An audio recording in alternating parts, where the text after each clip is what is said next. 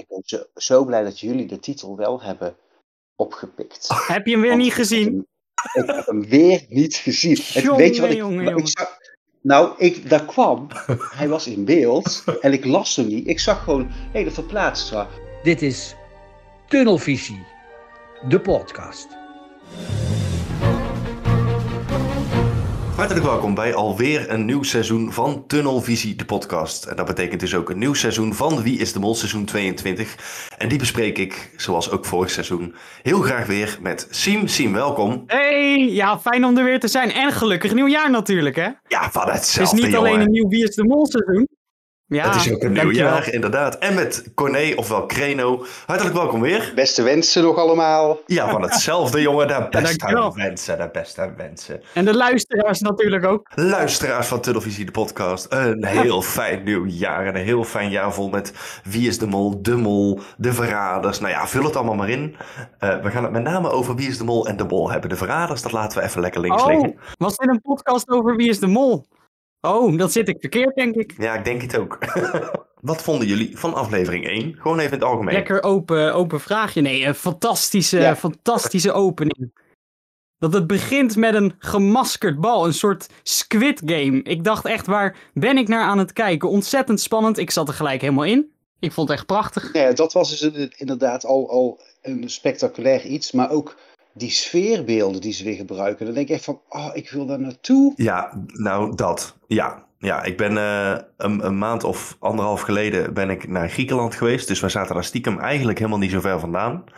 En ik zag deze beelden samen met mijn vrouw en we zaten twee op de bank van oké, hier moeten we naartoe. Dus dat krijgen ze toch altijd, toch altijd wel weer voor elkaar. Ja, en fijn dat het weer begonnen is. Ja, dat vooral. En ik moet heel eerlijk zeggen, ik dacht voor het eerst ooit bij Wie is de Mol, dat heb ik tot nu toe nog niet gehad.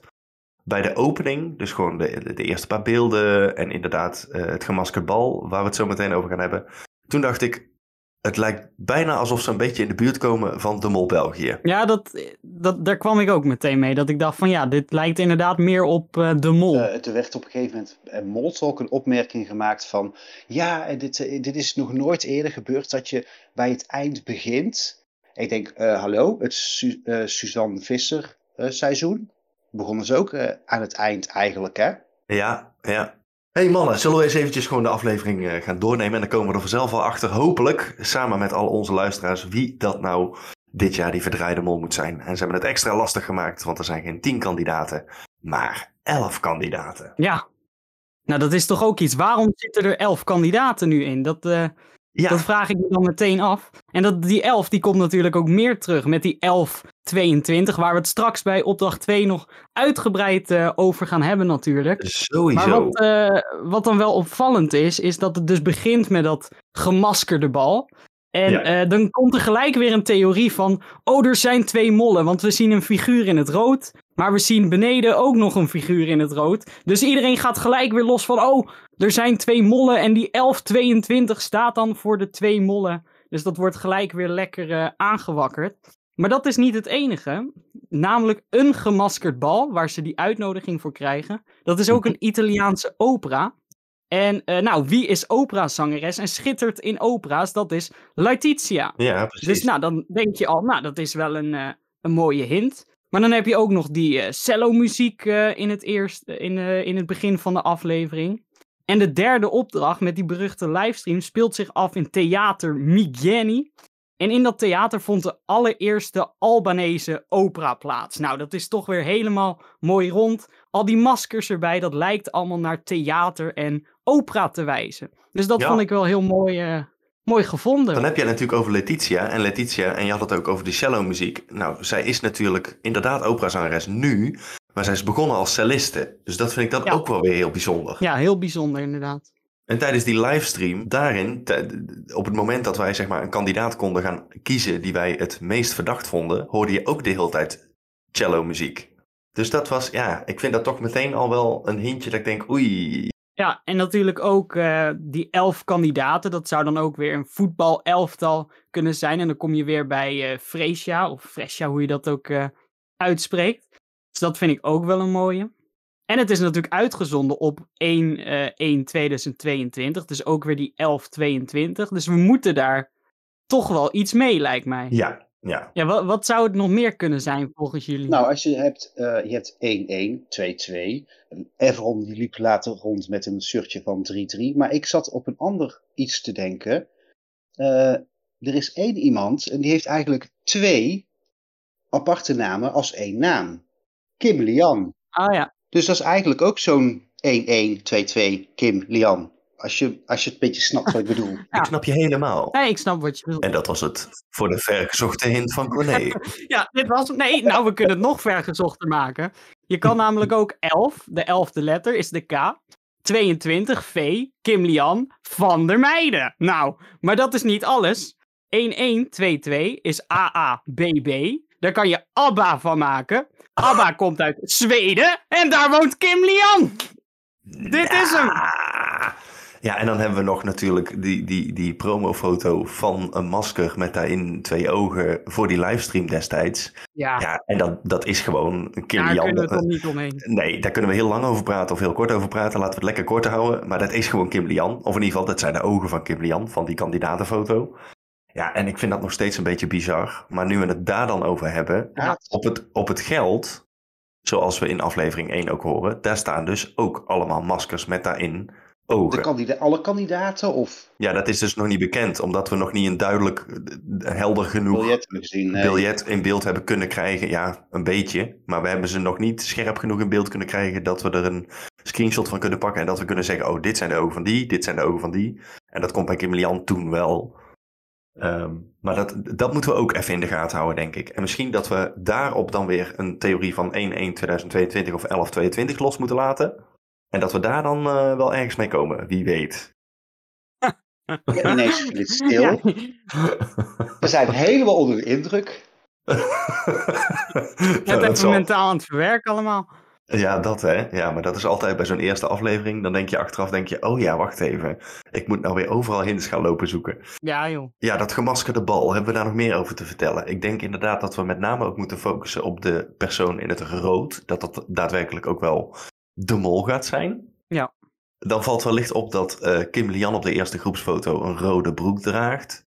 Eh, wie is er nog meer rood? Oh ja, op het moment dat Everon namelijk bij eh, opdracht 1 voor Rick zijn neus staat, dan draagt hij inderdaad zo'n eh, ja, zo'n basketbalhemdje. Daar staat 33 achterop. Dat zei Corné net ook al. Nou, dat is natuurlijk 1, 1, 22, 11, 22. Tel dat bij elkaar op en je hebt 33.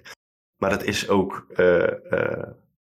de, de, de, de rode vlag van Albanië. Die heeft eh, twee vogels erop. En nou stond er dus op zijn shirt stond Birds 33. Dus ja, dat zou dan meteen wel een hele, hele, hele mooie hint zijn. Die meteen toevallig wel echt, echt ook wel heel bijzonder toevallig goed uitkomt, denk ik dan. Ja, ja wel iets te, te toevallig, Ja, te duidelijk eigenlijk. Ja, precies. Even over dat gemaskerde bal. Ja, Eh, hebben jullie toevallig die beelden vertraagd en gekeken, omdat je kan ontdekken wie je ziet? Nee, ik heb, ik heb het niet gedaan, maar ik heb wel veel gehoord dat mensen Freesia daar schijnen te herkennen. Dus daar ga ik nog even goed naar eh, terugkijken. Ja, over dat rood gesproken. Ik kreeg ook nog een hint ingestuurd dat in de leader voor iedere kandidaat eh er rood in voorkomt. Maar dat er bij drie kandidaten geen rood te zien is. Dat zijn Hila, Everon en Sahil. Dus eh, diegene denkt dat dat wellicht dan de drie finalisten zijn. En dat die dus geen eh, rood gaan krijgen in eerste instantie. daar moeten we ook even achteraan. Wat hebben we toch weer veel wat we even moeten noteren en waar we video's over moeten en wat we allemaal terug moeten zoeken. Waar halen we de tijd vandaan, zien? Werkelijk waar. Dat is een hele goede vraag. Ik ben ook al gelijk weer helemaal in de stress. Ik heb nu al slapeloze nachten, terwijl ik nog niet eens een normale nacht heb gehad na de aflevering. Dus eh, ja, het wordt een leuke periode. Oei, oei, oei. Maar nu we het even over die finalisten hebben en dan gaan we starten met opdracht 1, 2 en 3. Ik heb op eh, Instagram heb ik ehm, een aantal chats ontvangen van de Mol Detector. Wellicht dat dat bij een van jullie ook het geval is geweest, dat weet ik niet. Ehm, hij zegt, eh, dag mannen, ik heb contact gehad met iemand die in de hoofdstad van Albanië woont. Die ken ik al enige tijd. Die heb ik wat vragen gesteld of zij een van de kandidaten wellicht gezien heeft. Ze weet bijna zeker dat ze Kim Lian gezien heeft. En toen zei ze dus ook dat ze met twee anderen was. Dus dat Kim Lian met twee anderen was. Toen begon ze met het omschrijven van een man. En toen dacht ik meteen aan Rick, de regisseur. En dat was volgens hem 100% inderdaad Rick McCullough toen ik een foto van Rick aan hem liet zien. Dus Kim Lian was samen met Rick en een andere vrouw. Maar dat was niemand van de kandidaten volgens haar. Dan denk ik meteen, hoezo zou een kandidaat met de regisseur spreken? Nou, dat kan op zich prima verklaard worden, want de regisseur spreekt vaak met praktisch alle kandidaten. Dus dat is het probleem niet, denk ik. En dan zegt hij ook, het was rond midden september volgens haar, dus tegen het einde van de opnameperiode in de hoofdstad, waar vaak een goede finale locatie is. Dit stuurde hij mij voor de aflevering op tv was geweest. Nou, dan komen we er dus in de aflevering achter dat ze dus allemaal een uitnodiging krijgen voor de ontmaskering en dat die op 16 september plaatsvindt. Dat staat op dat kaartje. Dus ja, dan ga ik wel denken, nou, dit klinkt toch eigenlijk wel redelijk aannemelijk. Ja, het klinkt wel heel goed. En je hebt ook die foto's, want dit seizoen had je natuurlijk dat de kandidaten op Instagram al actief waren. Dat je echt zoiets had van, hè, dat mag toch helemaal niet. Maar die Ja. hebben dus groepsfoto's en het komt omdat ze allemaal nog steeds daar waren voor dat gemaskerde bal. Dus Juist. in principe lijkt het me dat iedereen ten tijde van dat gemaskerd bal daar nog was. Ja, absoluut. Ik denk dat alle afvallers eh, gewoon die uitnodiging in de handen gedrukt krijgen. En dat ze daar allemaal met z'n allen gewoon constant de reis hebben. Ja, eh, eh, Ja. verder hebben afgemaakt. Dat eh, zullen we voorlopig niet weten, denk ik. Nee, ik denk het ook niet. Zullen we lekker doorgaan naar eh, opdracht 1, Corné, aftroeven. De eerste opdracht. Elke kandidaat komt natuurlijk bij Rick aan en die, moet, eh, eh, die wordt dan onderverdeeld in een groepje.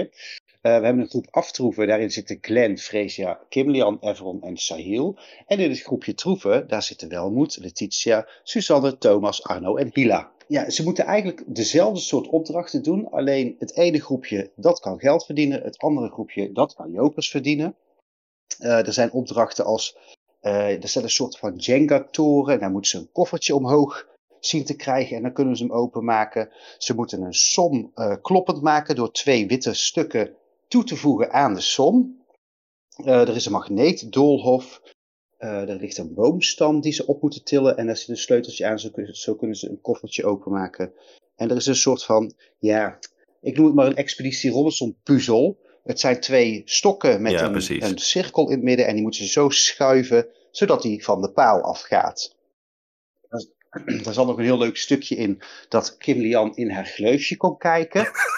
Ik, heel, heel erg naughty voor de NPO, maar ik moest er wel om lachen. Eigenlijk gaan die opdrachten allemaal heel goed, behalve eentje. Daar, daar breekt een sleutel af en daar kunnen, kunnen ze het koffertje openmaken. Maar we zien later dat, eh, ik geloof wel moet Letitia, Ja, als ik het niet goed zeg, dan moet je mij maar verbeteren. Maar die halen er toch nog de jokers uit. Met als gevolg dat er dus echt gewoon 10 jokers eigenlijk verdiend zijn. Eh, terwijl ze maar zeggen dat er 7 verdiend zijn. ja, De groep van de aftroeven, die hebben ook eigenlijk al het geld verdiend. Maar we missen 100 euro. ja, precies. We konden in de aflevering ook zien dat na elke voltooide opdracht het geld uit het kistje werd gepakt. Bij de Lucifersom, eh bij de zware boomstam, bij de ronddraai, eh, raadsel, of hoe jij het ook noemde, de, de expeditie Robinson puzzel, bij het magneetdolhof en bij de houten toren. Dat hebben we bij iedereen gezien. Behalve Ja. bij de opdracht met het touwendolhof. Die werd namelijk afgerond Oh ja, die zat er ook nog Die tussen. zat er ja. ook tussen. Dus die werd afgerond door Glenn en door Kim Lian. Dus dan zou je zeggen dat een van die twee verantwoordelijk is voor de missende 100 euro. Ja, ik heb hierover nagedacht. Ja, daar heb jij zeker over nagedacht. Nou ja, goed. Op zich maakt het niet heel veel uit, want ik denk dat ze toch. eh, het, het ging er natuurlijk om.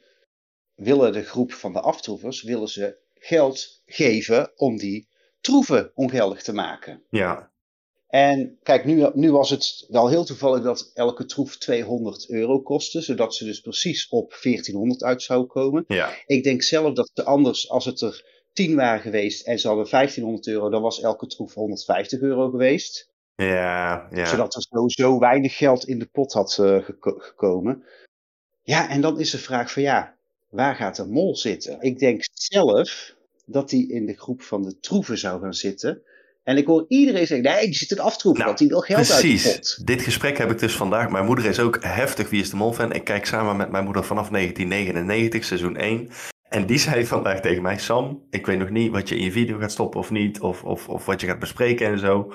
Maar hoe dan ook zit de mol volgens mij in het team aftroeven. En ja, ik dacht ook, ik zou als mol in troeven gaan zitten en gewoon zoveel mogelijk troeven pakken. Zodat wat ze ook verdienen in die andere groep, bijna alles op zal gaan. Nou ja, dat. Ja, ik zou juist als mol in aftroeven gaan zitten. Nou, ik snap de redenering van je wil in troeven, want je wil zoveel mogelijk jokers verdienen, want dan gaat er meer geld uit de pot. Maar aan de andere kant, die opdrachten die zijn zo gemaakt. Het zijn geen hele ingewikkelde opdrachten. Je kan ervan uitgaan dat ook zonder jouw toedoen veel geld wordt verdiend. Ja, ik heb zoiets. Je kan dan gewoon in aftroeven gaan zitten. En dan zorgen dat je dat geld gaat inzetten tegen die jokers. En je kan natuurlijk zorgen dat die aanwijzingen op die geldbriefjes niet ontdekt worden. En dan zie je bijvoorbeeld dat een Kim Lian uh, geld gelijk in haar broekzak stopt. Waardoor die uh, aanwijzingen niet te zien zijn.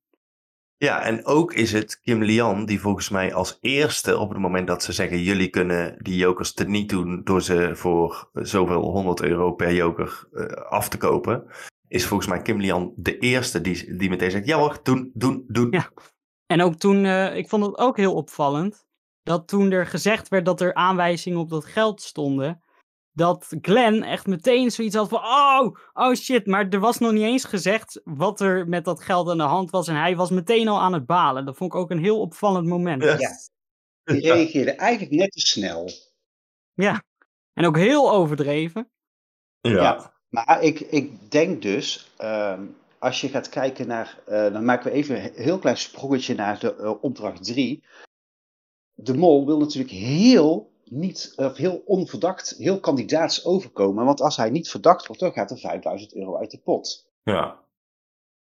Dus als hij daar heel goed uh, als kandidaat zijn werk doet en niet bezig is met van er moet geld uit, dan komt hij natuurlijk het minst verdacht over. En dan is, ja, weet je, die 1500. Ja. Dat is natuurlijk niks gelijk met die 5000 die er dan uitgaat. Nee, dat klopt. Ja, nee, dat is wel een goeie. Maar aan de andere kant, de kijkers moeten, moeten stemmen, toch? Dus dat maakt het wel weer lastiger. Ja, dat maakt het dan wel weer iets lastiger. Ja. Hebben we nog andere zaken voor opdracht 1 die we uh, echt, echt eventjes moeten aanraken? Nou, vond je dat, dat van Letitia wel moet, dat ze de jokers achterhouden? Vind je dat uh, molachtig of juist niet? Nee, ik vind dat totaal niet mollerig. Ik vind dat mega kandidaat. Maar misschien is dat ook Ja, wel heel, heel slim. Kandidaatactie. Ja. Ja. En ik zou denk ik hetzelfde gedaan hebben. Ik denk niet dat ik het gedurfd zou hebben, want je hebt toch zoiets van, oh, dat mag helemaal niet van de productie, want het is op een bepaalde manier bedacht. En tenminste, zo zou ik nu denken. Maar als ik het programma verder nog vrij, vrij slecht zou kennen, dan behalve dat die troeven heel veel waard zijn voor mij persoonlijk, ja, dan zou ik misschien ook wel zoiets flikken. Maar volgens mij hebben ze ook gewoon echt toestemming gekregen van de productie om, dat, om het te doen. Dat lijkt me wel. Ze zegt op een gegeven moment ook van, ja, we, we mogen ze stelen. Ja, En precies. daarna kwam dan dat fragmentje dat ze, dat ze die dingen eruit haalt. Ja, ja, dat is waar. Ja. Nee, ik denk wel, want je, je zag Letitia ook zo even zo boven de camera kijken. Volgens mij naar of de regisseur of de kandidatenbegeleider van, is dit oké? Mag, ik, mag ik dit doen? Dus dat was Ja, en wel... ik had, ik had nooit verwacht dit eh, te gaan zeggen, maar laten we snel doorgaan naar de avondklok. De avondklok, opdracht 2. Ja, zo heet de opdracht 2. Dat is dan wel weer een komische knipoog naar wat er allemaal gebeurd is met betrekking tot Coroni. Maar laten we het daar eh, zo, zo, zo min mogelijk over hebben. In opdracht 2, de avondklok, eh, moeten de kandidaten in eh, drie groepen van drie, met nog een paar losse kandidaten ergens, ergens ertussen, moeten zij telkens naar een locatie toe lopen. Daar staat een, een, een iPad en daarop staat gewoon de tijd. En op een bepaalde tijd gaan die iPads uit. Die zijn al niet meer te zien in ieder geval. Dus die worden in een kistje gestopt. En de opdracht is vrij simpel. Zorg dat je hem exact om 23 uur 22, oftewel 22 over 11, oftewel er is die weer 11, 22, dat je hem dan stilzet. En wat hebben ze daarvoor? Daar hebben ze drie, ieder groepje heeft daarvoor drie verschillende eh, zandlopers. Een hele grote zandloper, een iets kleinere zandloper en een redelijk kleine zandloper. Nou, ze beginnen eigenlijk eerst allemaal gewoon een beetje random uit te proberen. Wat ik ook zou doen. Van, hey, kunnen we een beetje timen hoe lang deze duurt en hoe lang deze duurt. Er vielen me met name twee dingen op. Want laten we even wel zijn, de uitkomst van deze opdracht was dat iedereen er op een seconde of 15 à 8 à 20 na allemaal gewoon alles goed heeft stopgezet. Dus daarin heeft de mol niet gemold. Maar ik denk wel dat de mol geprobeerd heeft om te mollen. Uh, dan vallen mij twee mensen redelijk op. Uh, dat is Kim Lian die constant bijna zat te schreeuwen van nee, nee, ga geen, ga geen getallen noemen, ga geen minuten noemen, want dan raken, we, dan raken wij helemaal in de war. En dat bleef ze maar, dat bleef ze maar constant zeggen. Terwijl ik dacht, ja, hoe vaker dat je dat zegt, hoe meer dat mensen nou in de war gaan raken. En niemand luisterde ook naar haar, want er werden alsnog van allerlei tijdstippen genoemd. En wie mij ook heel erg opviel was Sahil. Die viel mij tijdens opdracht 1 ook al heel erg op, maar tijdens opdracht 2 ook. Maar die is voor mij absoluut niet de mol. Kom ik straks nog wel even op terug. Maar wat zegt hij nou bij deze opdracht? Hij wil sowieso het kleinste klokje pakken in zijn groep. Dus hij wil het klokje van drie minuten wil hij pakken. En dan moet hij nog twee uur mee volmaken. Dus dat betekent dat ze hem 40 keer zouden moeten omdraaien. Nou, in die 40 keer zou jij als mol zijnde dusdanig vaak kunnen roepen van... eh, nee, we zitten helemaal niet op eh, keer eh, 37, we zitten op keer 34. Hoe kom je daar nou weer bij? Dus dat vond ik al wel een beetje verdacht. En dat hij dan eerst zegt, ja, we moeten hem nog 20 keer omdraaien. Terwijl nee, ze moesten hem 40 keer omdraaien. Maar in zijn biecht zegt hij dan wel, nee, nee, nee, 40 keer moesten we hem omdraaien. En toen dacht ik, nou, ik vond hem zo over de top. eh, alles met een, met, met een gigantische glimlach expres verkeerd doen. Dat het enige wat ik bij hem, het, het enige idee wat ik bij hem krijg is, dit is een rete fanatieke kandidaat die ogenschijnlijk alles verkeerd probeert te doen, zodat al zijn medekandidaten denken dat hij de mol is en dat hij er langer in blijft zitten. Ja, dat zou goed kunnen, ja. Ik denk dat dat de enige manier was om te mollen. Om echt de, de, de kleinste zandloper die het vaakste gebruiken. Ja, Dat je dan de, grootste foutmarge kunt creëren. ja, precies. En hij lijkt op beeld de enige te zijn die dat doet. Wat niet hoeft te kloppen natuurlijk, want ze kunnen er ook zoals altijd van alles uitlaten of uitknippen. Deze opdracht, die gaat natuurlijk over tijd. En de titel van de opdracht is De tijd zal het leren. Dus wat zouden we daar nog uit kunnen halen? Ja, daar kun je, ja, daar kun je echt alle kanten mee op, denk ik. En dat is een beetje het nare aan die titels. En met name de eerste, nou, vier, vijf afleveringstitels. Dan weten we gewoon nog niet zoveel. Want meestal heb je w- wat meer nodig. Ja. Ik ben zo, zo blij dat jullie de titel wel hebben opgepikt. Heb je hem weer Want niet gezien? Ik heb hem weer niet gezien. Het- Jongen, weet je wat ik, jongen, wat ik zag? Nou, ik, daar kwam, hij was in beeld en ik las hem niet. Ik zag gewoon, hé, dat verplaatst zo. Hoe gaan, hoe, hoe gaan die woorden gaan die iets nieuws vormen? Daar zat ik eigenlijk naar te kijken. Dus ik zag, heel, Oh, nee. ik zag de titel wel, maar ik heb niet Oh gelezen. nee. En toen dacht ik, oh, weer zo'n déjà vu naar vorig jaar. En het je daarvoor, en het je daarvoor, en het Nou, je ik heb alvast een eh, goed voornemen voor je dit jaar. Ik zou letten op de Dat titels. doe ik ook altijd vanaf aflevering 2. Oké.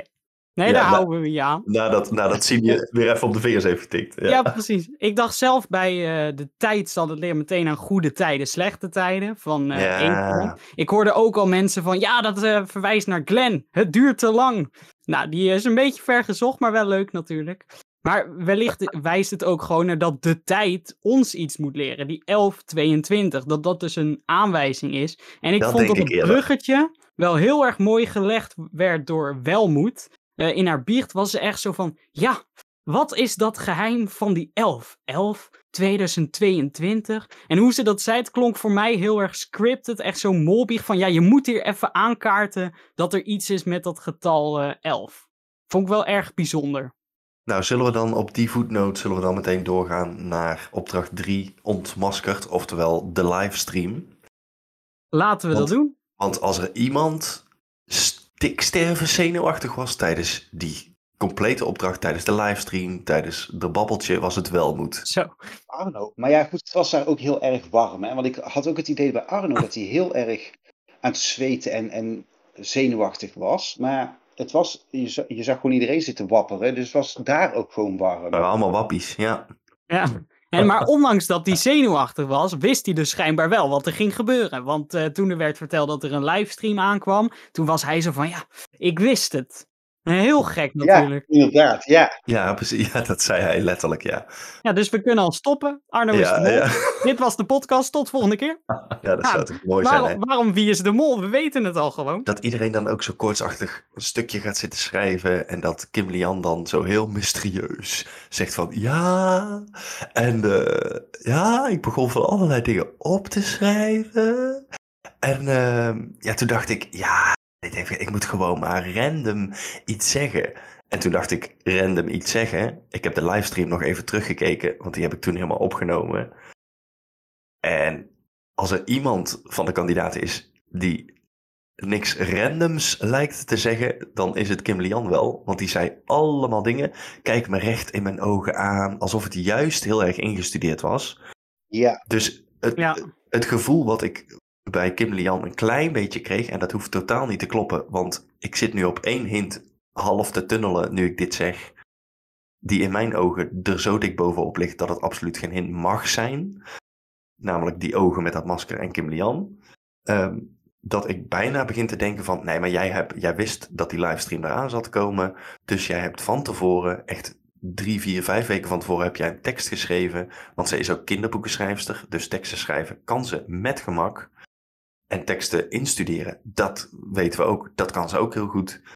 Ehm, dus het kwam op mij over alsof ze dat heel spontaan zogenaamd daar stond te doen, maar alsof het een tekst was die ze al drie weken gewoon voor de spiegel had staan oefenen, zeg maar.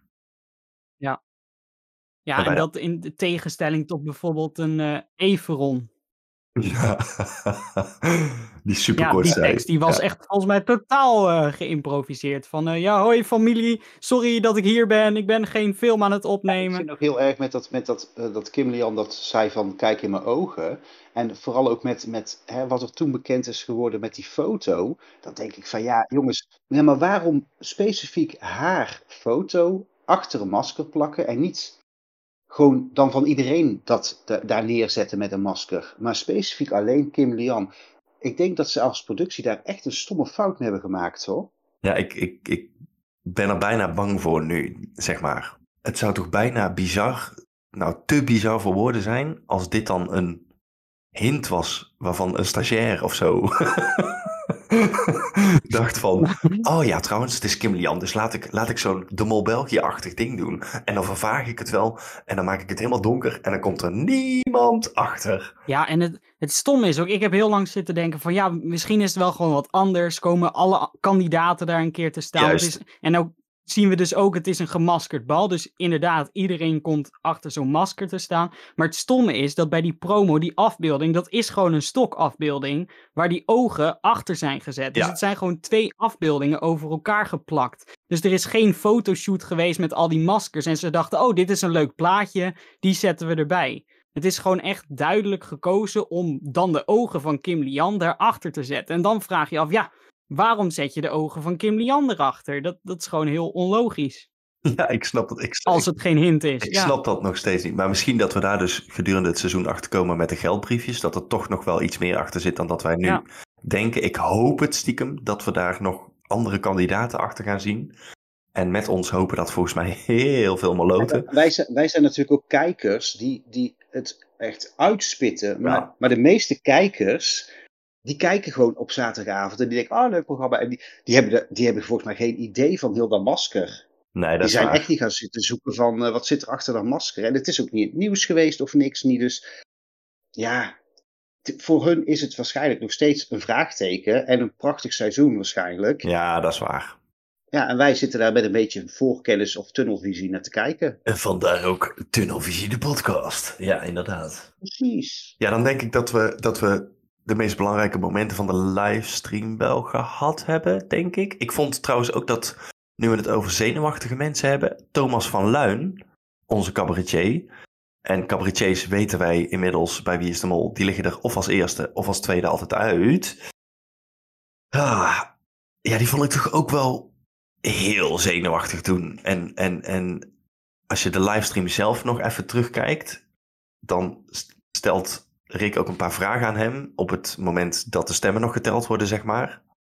En nou, ja, dan zit hij toch ook wel te draaien en te frutselen, terwijl ik denk, ja, maar jij bent een goede acteur, jij bent een goede cabaretier, dit kun je toch wel wegwuiven, die zenuwen? Ja, blijkbaar niet. Nou, en daarover gesproken, laten we dan een eh, gooi doen naar wie wel de mol is en wie niet de mol is. Dat is altijd zo'n leuk stukje natuurlijk. En dan mag ik zeker maar één naam noemen. Ja, zo werkt het meestal wel, hè, potverdorie. Nee, nou twee, want ze zijn nou met elf. Nou, oh vooruit, ja, nee, dat vind ik een goeie. Voor deze, Corné. voor deze eerste aflevering mogen we er inderdaad twee noemen. Het schot voor de boeg, Siem. Ik ga voor Glenn en Freesia. Oké. Wil je dat ook nog onderbouwen? Nee, Oké, Corné. Nee. gewoon twee, eh, twee random gokjes. Dan zeg ik Kim en Lian. ja. Eh, ik zeg Kim Lian, gewoon omdat ik die nog niet, nog niet kan afstrepen. Eh, en Glenn. Ik vind Glenn een beetje de knuffelbeer van de groep. En het lijkt mij dat als ze hem gekozen zouden hebben, dat hij gewoon overal mee wegkomt. Denk ik. Dus vandaar. Hè, Als Glenn of Everon de, de mol is, dan gaat er dus 5000 euro uit de pot. hè. Ja, dat klopt. Ja, dat is zeker waar. Wie is de mol absoluut niet volgens jou, Siem? Dan ga ik voor Arno. Arno. Corné, voor wie ga jij? Op basis van eh, hun gedrag in opdracht 1, Welmoed en Letitia. Oké, ja, ik ga voor Sahil, omdat Sahil zo, zo, zo overdreven alles loopt te vernachelen. En daar keihard om loopt te lachen, dat dat... eh, Ja, nee, dat, dat koop ik niet, dat koop ik niet. Ja, we hebben de, de test natuurlijk even overgeslagen, eh, maar daar wilde ik nog één ding over vragen aan jullie. Namelijk bij opdracht 1, als de kandidaten bij aftroeven, als ze aankomen bij Rick één voor één, dan zegt hij schot voor de boeg. Wie is volgens jou de mol? En dat horen we bij iedereen. De vraag is natuurlijk of ze aan het einde van die aflevering nog steeds op die persoon zitten. Maar we horen het wel bij iedereen. Denken jullie, wat gaan ze daarmee doen, denken jullie? Ik vond dat zo'n bizar stukje. Ik denk, Heel raar, hè? ik denk misschien heeft dat nog te maken met de opdracht. Gaan we dat terugzien. Maar er wordt gewoon ook helemaal niks mee gedaan. Het heeft niks met die opdracht te maken. Dus ik heb nog zitten denken. Maakt het misschien uit wat voor antwoord ze geven? Dat ze op basis daarvan dan ingedeeld worden in troeven en aftroeven. Of dat daar iets mee is. Maar daar kwam ik ook niet uit. En je ziet inderdaad wel met die verdenkingen bij de test dat heel veel mensen toch geswitcht zijn. Dat niet diezelfde namen worden genoemd. Dus ja, ik weet niet zo goed wat we, wat we daarmee aan moeten. Ja, vaag, hè? Nog wel eens terugkomen in een opdracht. Ja, dat zou leuk zijn. Ja. Ik ben benieuwd. Ja, en dan hebben we onze eerste afvaller ook meteen te pakken, hè? Oh ja? Corné, heb je die wel gezien? Die heb ik gezien, ja, en dat vond ik eigenlijk wel jammer. Ja. Ja? Ja, nee, ik had Suzanne had ik langer in, in het spel willen zien. Wel een leuke kandidaat, maar Ja, het zat er wel een beetje aan ja. te komen natuurlijk. Nou ja, ik denk niet dat ze haar als mol hadden gekozen, want dan zat ze een beetje op dezelfde eh, ehm, type als René. Ja, ja, dat denk ik ook wel. Dus Ja. ik denk dat ze daarom, ja, dan, dan ga, ze gaan zo iemand nooit weer nog een keer als mol pakken, lijkt mij. Maar het leek me echt een hele leuke, leuke kandidaat. Dus ik vind het jammer dat ze eruit is. Ja, dan gaan we eens heel even heel kort kijken eh, via de Wie is de Mol, de officiële Wie is de Mol app, eh, naar de landelijke verdenkingen. Ja, dat vind ik toch best bijzonder. Eh, maar goed, daar zit dus allerlei pluimage aan Nederlanders op die daarop stemmen. Eh, mensen die eh, voor de lol kijken, mensen die het al jaren kijken. Welmoed staat op 1. Die wordt het meest verdacht door 14%. Daaronder Sahil, dat snap ik dan wel. Daaronder Ev- eh, Everon, Arno, Fresia, Letitia, Thomas, Kim Lian, Glenn en Hila staat op de laatste plaats met 6%. En Glenn heeft dus ook maar 8%. En Glenn is zo iemand, ja, die wappert er wel een beetje overal tussendoor. En die is niet superveel op beeld, eh, ook niet mega weinig, maar meestal is de mol in de eerste twee, drie afleveringen niet heftig op de voorgrond. Nee. In ieder geval in de montage. Bij eh Moltalk deed ze ook dat overzichtje en toen stond Arno volgens mij nog bovenaan. Dus het is echt wel aan het verschuiven. Ja, En wat ik ook nog eh, opvallend vond bij Moltalk, ik, Moltalk is natuurlijk van, de, van dezelfde makers. Hè? ja, klopt. Dus die gaan nooit heel heftig op de mol al zitten, en zeker niet in het begin. Maar er werd bijna niks dus over Kim Lian gezegd. Dat vond ik dus erg opvallend. Ja, dat is raar, hè? Want daar was toch wel extreem veel over te vertellen. Ook gewoon als je alleen aflevering 1 bekijkt. Ja, Dus ik ben ook heel benieuwd wat, er- wat er bij Lavetsi Rutjes is gezegd en wat er in de podcast van eh, Splinter is gezegd. ja. Want als die dus ook maar weinig hebben gezegd over Kim Lian, ja, die probeert ze dan toch een beetje buiten schot te houden, denk ik, of zo. Ja, dat zou zomaar kunnen. Dat is in de vorige seizoenen is dat globaal. Klopt dat inderdaad wel wat je zegt? Dat ze het in de eerste paar afleveringen toch wel relatief weinig over de mol hebben. Ja. Ook al zeggen ze altijd, wij weten daar niks van af. Ja, dat geloof ik niet. ja, ik geloof op zich wel dat die mensen zelf dat niet weten. Maar dat de mensen achter de schermen die eh, eh, berichten klaarzetten van kijkers, dat die het wel weten. Ja, precies.